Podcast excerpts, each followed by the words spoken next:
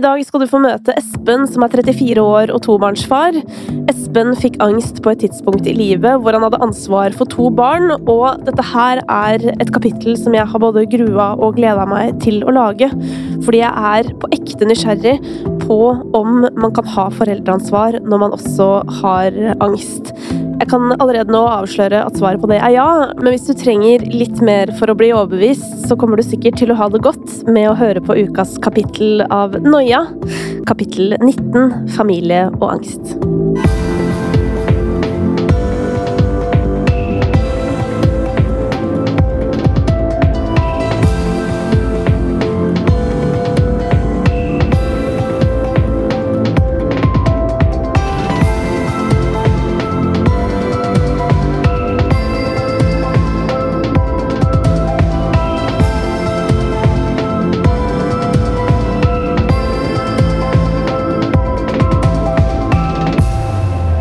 Dagens gjest er Espen Eide, 34 år fra Grimstad.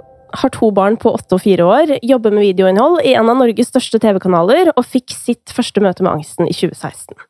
Hjertelig velkommen til Noia, Espen. Tusen takk. Du, I dag så er jo du representant for mange som føler at de har fått angsten på et ekstra ubeleilig tidspunkt. I en tid i livet hvor de har foreldreansvar for små barn. Kan ikke du fortelle oss om ditt første møte med angsten?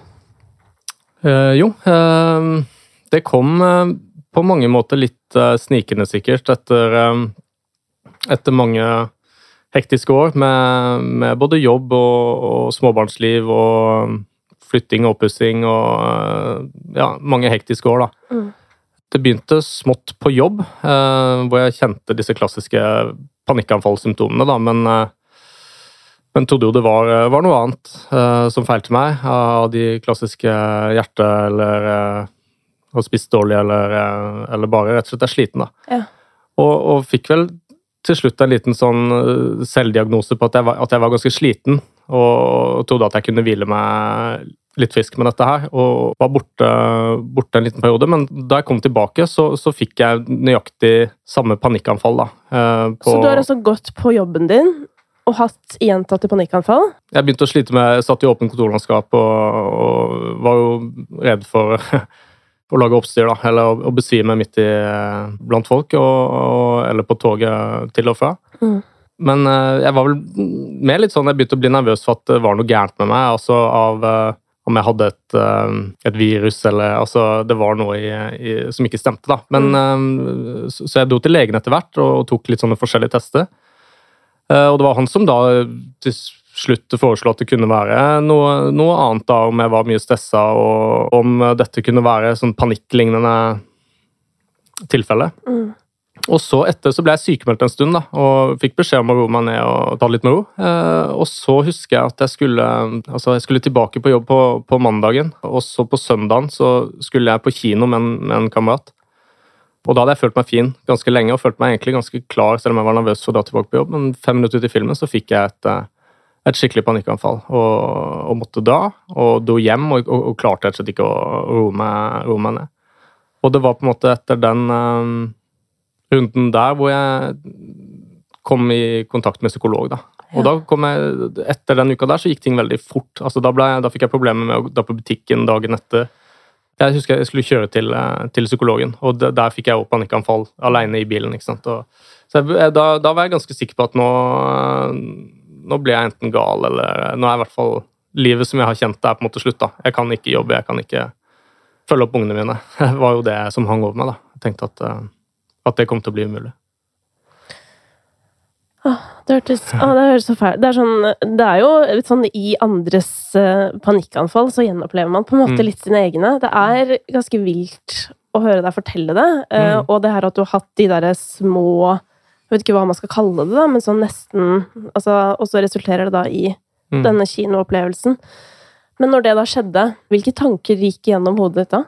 Til å begynne med så var jeg veldig forvirra, eh, fordi eh, eh, jeg visste ikke hva det var. Men, men, da jeg kom til psykolog da, og fikk litt mer informasjon om hva det kunne være, og fikk googla meg rundt litt på hva er et panikkanfall, lese andre typer historier, så var det en veldig lettelse. For da fant jeg plutselig noe jeg kunne kjenne meg litt Eller jeg kunne sjekke på alle boksene, egentlig. Og mm. da Det var veldig lettende.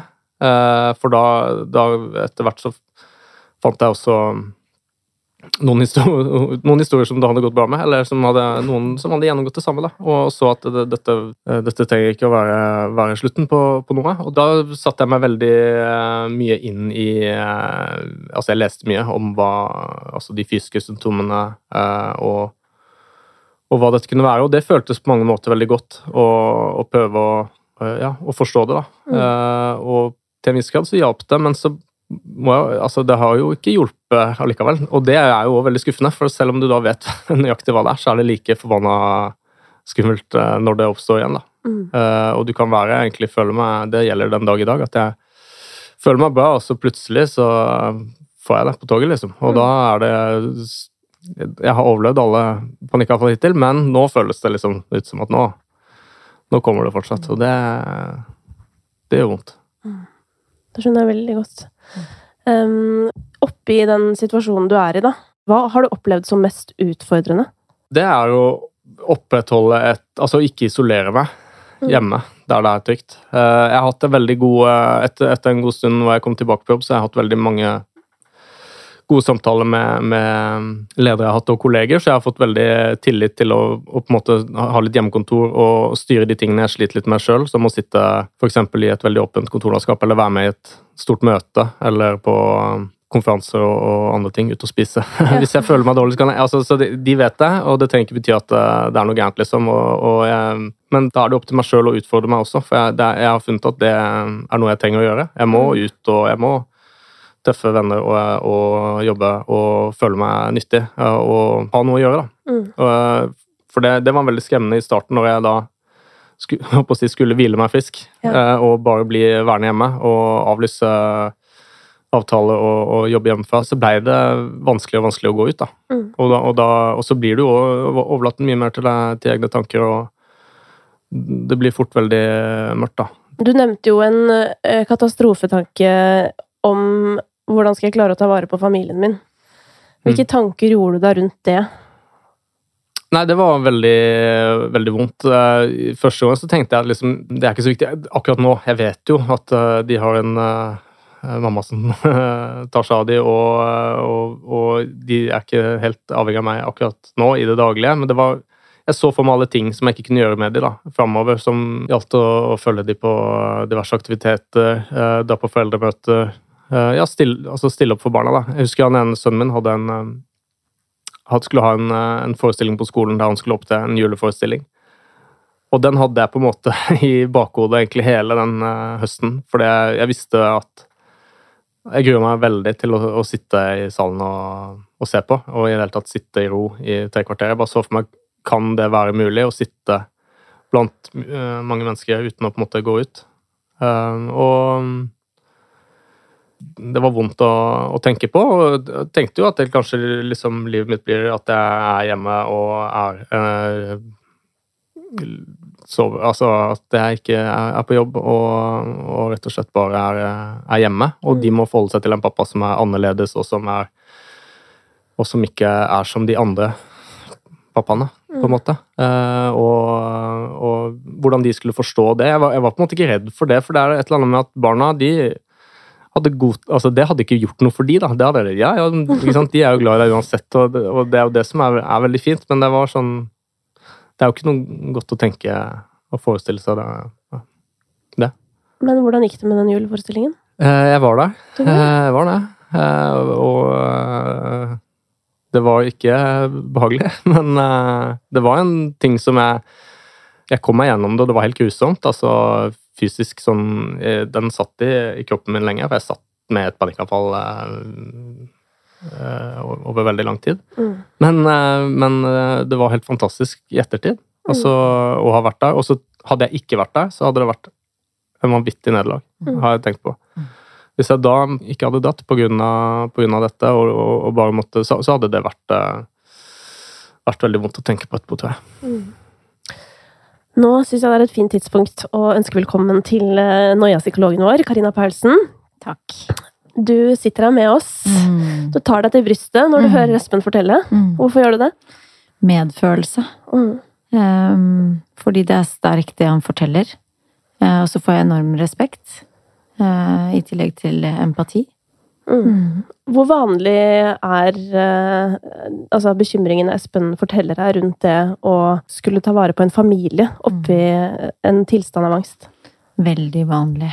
Og jeg tenker jo at det, det er nettopp også det som gjør Espen og andre med lignende type tanker berettiget til nettopp å være omsorgspersoner. Ikke sant? I kraft av å erfare livet selv. Mm. Og så må vi huske på at det er katastrofetanker, og plassere det der. Mm. Det å være i en småbarnstilværelse, det legger jo på en måte ikke akkurat til rette eh, for å ta vare på basale behov alltid. Det kan jo være lite søvn og sånne ting. Er det også ting du tror har innvirka på deg, Espen? Ja, det tror jeg absolutt. Uh, og jeg håper å si det, eller det, ja, det er jeg helt sikker på. Uh, våre barn sov ikke, i hvert fall ikke den yngste, sov ikke veldig, veldig mye. Og jeg har, er ikke noe så veldig flink til det. Jeg, jeg, trenger, jeg trenger litt søvn. Ikke all verdens, men det kom, den, det kom liksom til det punktet hvor du ikke Du vet ikke når neste gang du får deg tre-fire timers eh, sammenhengende søvn, da. Og, og, og det begynte jeg å stresse veldig med i, lang tid før jeg gikk på en smell. Så søvn har vært, vært veldig viktig, og det gjør jo til at man man kommer inn i en dårlig periode. Det, det kan man sikkert kjenne til eh, ellers også. Altså, man har mye, mye stress, og da er det, det finnes ingenting verre enn å, liksom, eh, enn å bli liggende og Da går jo tankene på hva alt annet man gruer seg til, og hvor dårlig det går dagen etter fordi man ikke har fått sove. Og så legger man veldig mye press på seg sjøl at når jeg bare Hvis jeg får en god natts søvn, så kommer ting til å gå bra. Så får man aldri den. og da Eh, en ting er at man får lite søvn, man har jo generelt veldig liten tid til å tenke på seg sjøl, da. Så også det som å f.eks. trene regelmessig og andre typer ting som, som jeg har skjønt Eller som er, har vært veldig bra for meg i det, i det siste. Det var ikke ting jeg prioriterte eller gjorde. Karina, du er jo veldig opptatt av prioritering. Mm. Eh, og jeg ser jo fullt av på en måte, nye småbarnsfamilier rundt meg. Det skal leves egne liv. Eh, barna skal ha det beste livet. Og man skal gjerne være liksom, mamma og pappa sammen med barnet. Altså, hvordan får man egentlig tid til å ta vare på seg selv i en småbarnstilværelse? Ja, det er en utfordring, også fordi at den, det samfunnet vi lever i, stiller så enormt høye krav. Da. Det er så mange forventninger. Eh, og eh, vi skal helst få til alt. Det er veldig sånn optimalisering og prestasjonsjag, også i det å være forelder og helst ta vare på seg selv, og man skal ha et eget liv, og man skal utvikle seg, og man skal ha karriere, og det er ikke måte på. Så det er, ingen, det er på ingen måte en tid som legger til rette for å begrense eller prioritere. Og det, det er noe av det vi må kunne for å kunne nyte godt av mulighetenes tid, da, som vi faktisk er velsignet med. Eh, søvn er jo noe av det helt grunnleggende og avgjørende for at hjernen vår skal fungere optimalt, fysikken vår ikke minst. Eh, mange kan jo Et, et eksempel hvordan, hvordan immunforsvar påvirkes av lite søvn. Eh, og vi glemmer det. Vi glemmer ofte de basale behovene fordi vi er så opptatt av å surre rundt på toppen av eh, Maslows behovspyramide og realisere oss selv.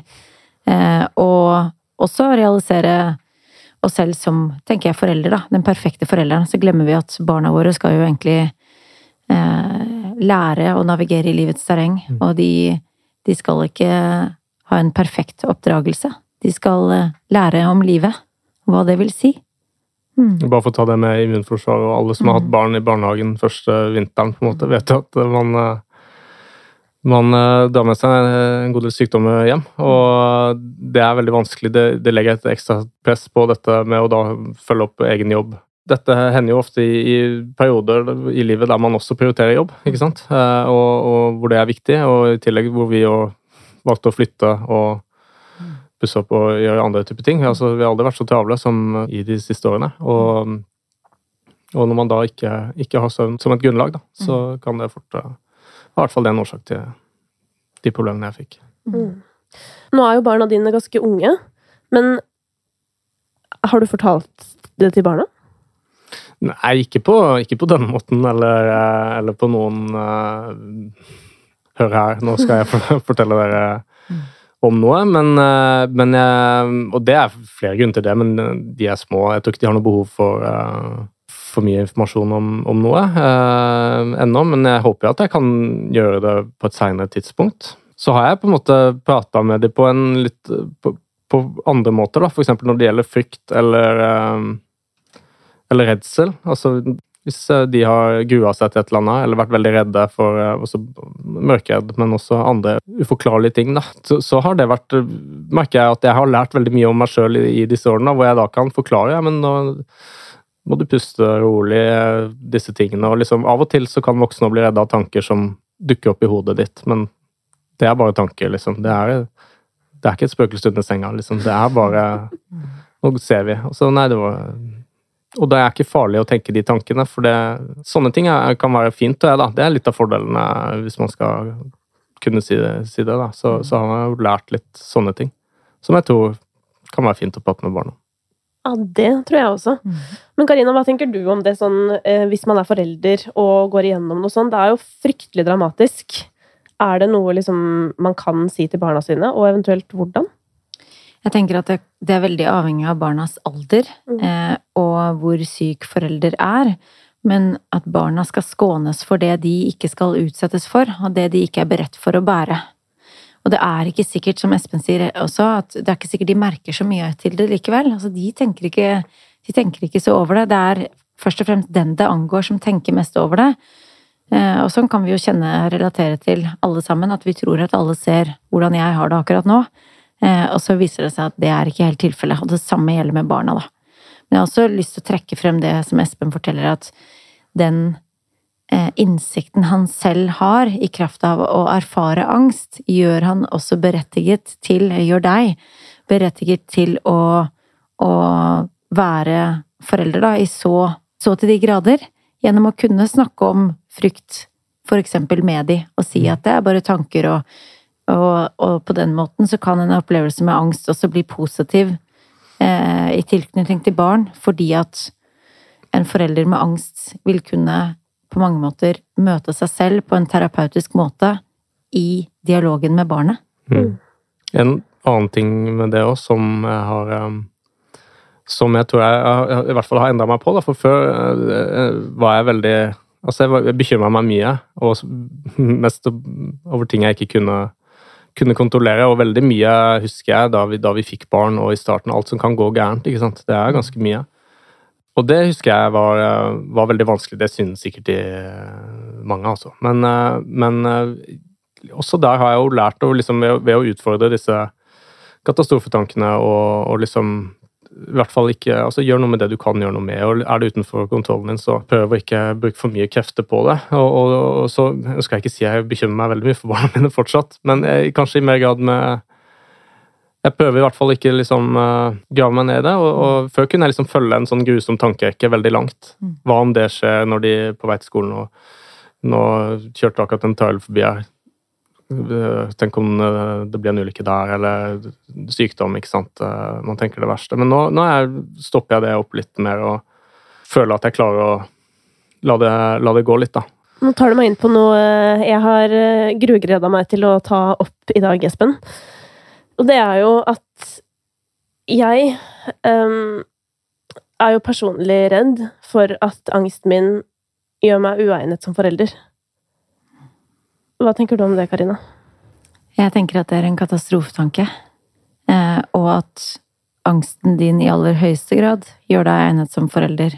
Fordi at eh, det gjør deg i stand til å utvikle en empati, en forståelse for, eh, for hva livet innebærer. Eh, og møte barnet på, på et helt annet nivå, da, tenker jeg. Jeg tenker at barn gir først og fremst en anledning til å mestre. Men som Espen forteller, da, at eh, det kan starte sånne bekymringsrekker mm. når barna er på vei til skolen eller et eller annet sånt. Mm. Det er jo det jeg også tenker på. Sånn, jeg er redd jeg ikke hadde liksom klart å ha et rolig minutt i løpet av et døgn. Jeg tenker at det er en kilde til eh, å mestre og håndtere de tankene. Um, det er mange ting jeg har lyst til å si om dette, Kristine. men, eh, men eh, for det første skille mellom bekymringer som er hensiktsmessig, og og uhensiktsmessig. Eh, og bli kjent med dine egne tanker. Og jobbe med det også på forhånd. Man kan forberede seg til en foreldrerolle. Men det gir først og fremst en anledning til å mestre, og det gir også en anledning til å bli bevisst på når jeg tar valg i livet, hva skal jeg velge ut ifra? Skal jeg velge ut fra frykt eller angst, eller skal jeg velge ut ifra hva jeg ønsker meg. Hvis du ønsker deg barn, så er det det du skal. Så tenker jeg ikke frykten skal få lov til å bestemme. Mm. Hvordan kan man forberede seg til en foreldrerolle i denne sammenheng? Man kan identifisere hva man er redd for, ehm, og jobbe konstruktivt med de tankene. Det kan vi snakke om i forbindelse med angst, som er en tilstand som alle mennesker kan oppleve. Og vi skiller mellom angst og frykt, hvor frykt er en konstruktiv reaksjon på en, eh, på en skremmende situasjon, da. En situasjon hvor det er hensiktsmessig å beskytte seg. Men hvor angst er en irrasjonell reaksjon. Så frykten er overdreven, reaksjonen er overdreven i forhold til situasjonen. Eh, og det å for eksempel jobbe med tankene som oppstår som følge av at du er i en angsttilstand, eh, hvor tankene da er irrasjonelle. Vi kan snakke om tankevirus. Og så blir det Så kan man skape seg eh, et rom der i kraft av å jobbe konstruktivt med de katastrofetankene. Som gjør deg beroliget, og som gjør at du kan ta en avstand fra disse tankene, det tankeviruset og se at du er den som vet at du tenker. Du kjenner igjen hva som skjer i deg når du kommer i den tilstanden. Antageligvis er det mange av de samme tankene som kommer tilbake. Blir du kjent med det, og i kraft av å bli kjent med det, så blir du mindre redd for det. Espen, vi sitter jo på hver vår side av bordet, både bokstavelig, men også i overført betydning. ja. For du eh, hadde jo allerede fått to barn mm. da panikkangsten traff deg. Mm. Hvordan tror du det ville påvirka valget ditt hvis du ikke hadde fått barn ennå?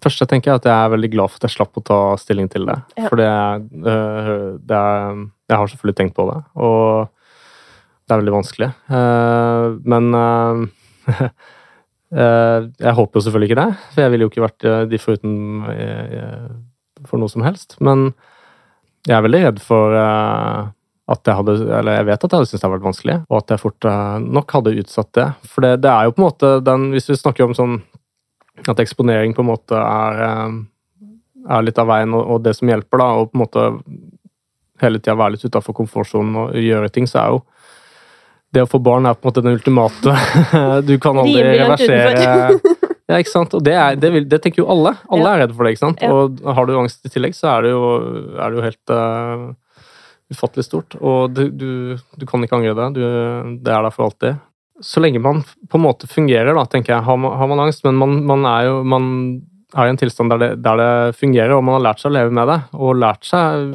kan mye om seg sjøl, så tror jeg absolutt ikke, som Karina sa, at man, man, skal la angst være et hinder i det hele tatt, men heller forsøke å se hva man faktisk kan utnytte eller gjøre, gjøre med det. Og alle foreldre og omsorgspersoner er forskjellige, mm. Eh, og, men alle, de alle, altså alle er det, eller de fleste er det på en god måte. Og det finnes ingen riktig måte å følge opp barna på, selv om man er veldig opptatt av å være som alle andre og liksom veldig redd for å ikke kunne gjøre det alle andre gjør, og stille opp og, og, og gjøre sånn, så tror jeg på en måte at man ja, Man kommer selvfølgelig til å elske det barnet, og man kommer til å tilpasse situasjoner òg. ikke sant? Man er ingen som, er ingen som har fått barn som var klar for det, tror jeg. Du, det blir du Det er en rolle du vokser inn i. Mm tror det er viktig å definere hva man har lyst til, og navigere mm. ut fra det, altså sånn generelt i livet.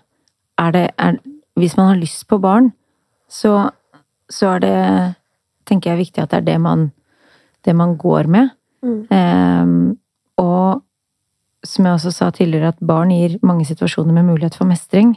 Det er noe som blir viktigere enn angsten. Mm. Barn gir også en anledning til mm. perspektiv. Har du vært åpen overfor andre foreldre, for eksempel? Eller lærere og sånne ting? Ikke, jeg er ikke sånn hvis jeg møter noen på lekeplassen så sier hei, forresten, hør på, hør på det jeg har å si. Men, eh, men eh, mange, vi har mange venner, vennepar og liksom venner med som vi er litt nærmere med, og der, der, har jeg flere jeg har prata med om det, men jeg tenker mer at det, det, kunne jeg Det er mer det at hvis det hadde vært en situasjon og det var naturlig, så hadde ikke jeg hatt noe problem med å si det. Nei. Måtte jeg gått ut av et foreldremøte fordi jeg Eh, fordi jeg fikk et panikkavfall, så, så, hadde jeg heller ikke hatt noe problem egentlig med å si jeg eh, sliter litt, liksom. Men uh, jeg kommer tilbake, eller uh, jeg sender en mail, eller, eller noe annet. Så, ja. så, jeg tenker mer at det, det, kunne jeg vært, men jeg har ikke vært det. Nei. Tenker du at uh, din opplevelse med angst har uh, forandra deg som forelder på noen måte? Nei, litt grann som jeg nevnte tidligere, da, med å, å være litt flinkere til å tenke over Altså tatt litt mer kontroll over bekymringer og sånn. Uh, men også føler jeg at jeg har fått et mye mer sånn perspektiv på frykt og, og, det å være redd. Men og så er det jo Det høres litt sånn floskel ut å si, men når man prøver å liksom sette mer pris på Hvis du liksom lar deg irritere av at de uh, leker og roter mens jeg skal rydde eller gjøre et eller annet. ikke sant? Altså Istedenfor Og det tar jeg meg i, det, sånn er man forskjellige, men heller kanskje forsøke å være med på leken. da, Eller å liksom være litt i deres verden litt, og glemme de andre bekymringene og heller være litt mer med på, på de tingene, uh, tror jeg kan være fint. Og se litt, altså sette ting litt i perspektiv. Se hva er det egentlig som er viktig nå. Ja, akkurat det. Det er så viktig. Barn gir en anledning til perspektiv. De minner oss om hva som er det viktigste. De er læremestere i å være til stede. Um, og har også mye å lære oss voksne uh, der. De gir en anledning til ytre fokus, som er også noe av det man øver i, i uh, angstbehandling. Um, og de bidrar til normalisering. De, barn dømmer ikke. Ja. Mm. Heldigvis. Ja. Men ytre fokus, eh, Karina, hva kan det mm. være i, i, denne forbindelse? Det kan være at eh, barna opptar oppmerksomheten din. Det er noe du skal, det er noe som er viktigere enn deg selv. Det er noe som krever noe av deg, samme hvilken tilstand du er i. De vil fortelle, de vil dele, de vil ha din oppmerksomhet, de trenger din kjærlighet, de, de trenger eh, din oppmerksomhet som forelder. Enten, de er, enten du er sammen med de alene, eller om de, du er med dem på en aktivitet, eller så er det en kilde til å få fokus utenfor deg selv da, og dine egne tanker. Mm. Jeg har vel ennå ikke liksom fått et ordentlig panikkavfall i tilfeller der jeg er sammen med barna Jeg har fått det når jeg har kjørt uh, bil med mm. dem, uten at det er liksom Men det er mest Jeg har grua meg veldig til å gjøre ting Mm, I tilfelle, I tilfelle. Så det er mer sånn at jeg tenker at hvis jeg skal levere det i en bursdag eller, eller, gjøre noe, så er jeg veldig altså, Det gruer jeg meg skikkelig til. Mm. Det har, har, har, til gode for å ha, ha gått gærent når jeg først har gjort det, men det hender jo at jeg unngår å gjøre det. ikke sant? At vi mm. finner en annen løsning på det. Og da blir jeg jo litt sånn Det er jeg veldig dårlig til, for da begynner jeg å gruble på hvorfor uh, burde jeg kanskje egentlig gjort det, men så er det jo helt vanlig at man bytter på ting. Altså, mm. Det er jo ikke sånn at jeg nødvendigvis er nødt til å gjøre alt. for det med jeg tar de for eksempel ikke Jeg har ikke tatt de med på kino, det, og det er jo naturlig, for det, det, er ikke jeg noe glad i. For du gikk ut. Jeg gikk, gikk ut ut jeg var på kino. Mm, så har du tatt de med på veldig mye ja, annet, og det er viktig å fokusere på. Og så ja. tenker jeg også at, at uh, barn gir både De kan lære oss å prioritere, fordi de mm. kommer med Eller den pakkeløsningen de kommer med i alle aktiviteter de skal, og alt det som innebærer å følge opp barn. Eh, men de gir oss også en anledning til å se at det går bra selv om det er kaos. Mm. Men Espen, du er jo ikke eneforsørger eh, for barna dine. Nei. Eh, hvordan har det vært å på en måte inkludere kona di i det som har skjedd med deg? Nei, det har jo vært helt nødvendig. Mm. og jeg holdt på å si uten Uh, uten henne så hadde jo ikke det, det gått, tenker jeg. Hun har vært veldig flink til å, å sette seg inn i Forsøke å Både på en måte forsøke å skåne meg når jeg trenger det, men også dytte meg ut da, når jeg trenger det. Og det er jeg jo veldig takknemlig for, for jeg tror for mye omsorg har man jo Eller det er omsorg, det òg, men en litt annen type omsorg. Mm. Tough love, eller uh, Og det hadde vært veldig lett at hun bare lot meg være hjemme, mens mm. hun gjorde alt. Hun hadde klart det, men jeg tror eh, det har vært veldig bra at hun har eh, overlatt eh, mye ansvar til meg, selv om på en måte jeg har tenkt at det bør du ikke gjøre nå, men det har hun stolt på meg at, at det har vært godt for meg, og det, det, tror jeg det har vært.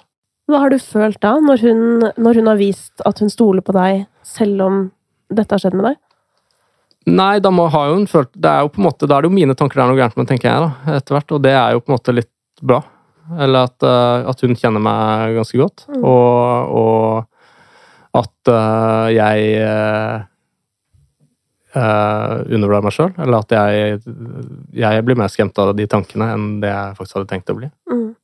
Men Karina, hvis det er fortsatt noen der nå som sitter og tenker sånn Jeg er for redd mm. til å kunne ha en familie. Mm. Hva vil du si? Ønsker du deg en familie? Og hvis svaret er ja?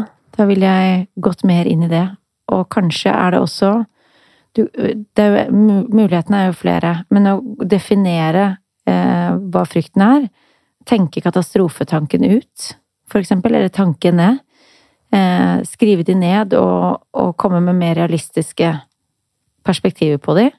Eh, hva er det beste som kan skje, istedenfor hva er det verste som kan skje. Det kan være én måte å gå til det på, men man kan også gå veien gjennom lyst. Har du lyst til familie? Ja, hva er det du har lyst til med familie? Og, og, begynne å visualisere og se for deg og skrive ned, for eksempel, da. Hva er det du drømmer om? Hva er det du ønsker deg? Og kanskje det kan vise vei. Mm. Og det har jo gått veldig bra for deg, Espen. Ja, foreløpig har det det, holdt jeg på å si. Men jeg, jeg, føler jo fortsatt at jeg, jeg er i det, da. Mm. Eh, og jeg kan fortsatt være redd for hvordan dette skal gå framover. Eh, for min egen del. Men, eh, men, eh, men, jeg tror jeg har funnet en måte å, å, å håndtere dette på. Uh, håper jeg. Og så er jeg har vel litt med det å gjøre at jeg da kanskje ikke er At det, det verste som kan skje, kanskje ikke er så ille heller. Sånn, eller altså jeg, jeg, har slått meg litt mer til ro med at uh, ting ordner seg, da. Mm. Men Espen, mm. her er greia. Du har barn. Mm. To stykk. Du har kone. Mm. Du har jobb. Og du har angst. Mm. Mm. Altså, du er jo Supermann på to ben. Jeg skulle til å si akkurat ja. det samme. Det er sånn I det at du sitter og forteller dette, uh, og så sier du 'men jeg er i det fortsatt', det er jeg òg. Mm. Det kan godt Jeg vet ikke hvor lenge jeg må være i det.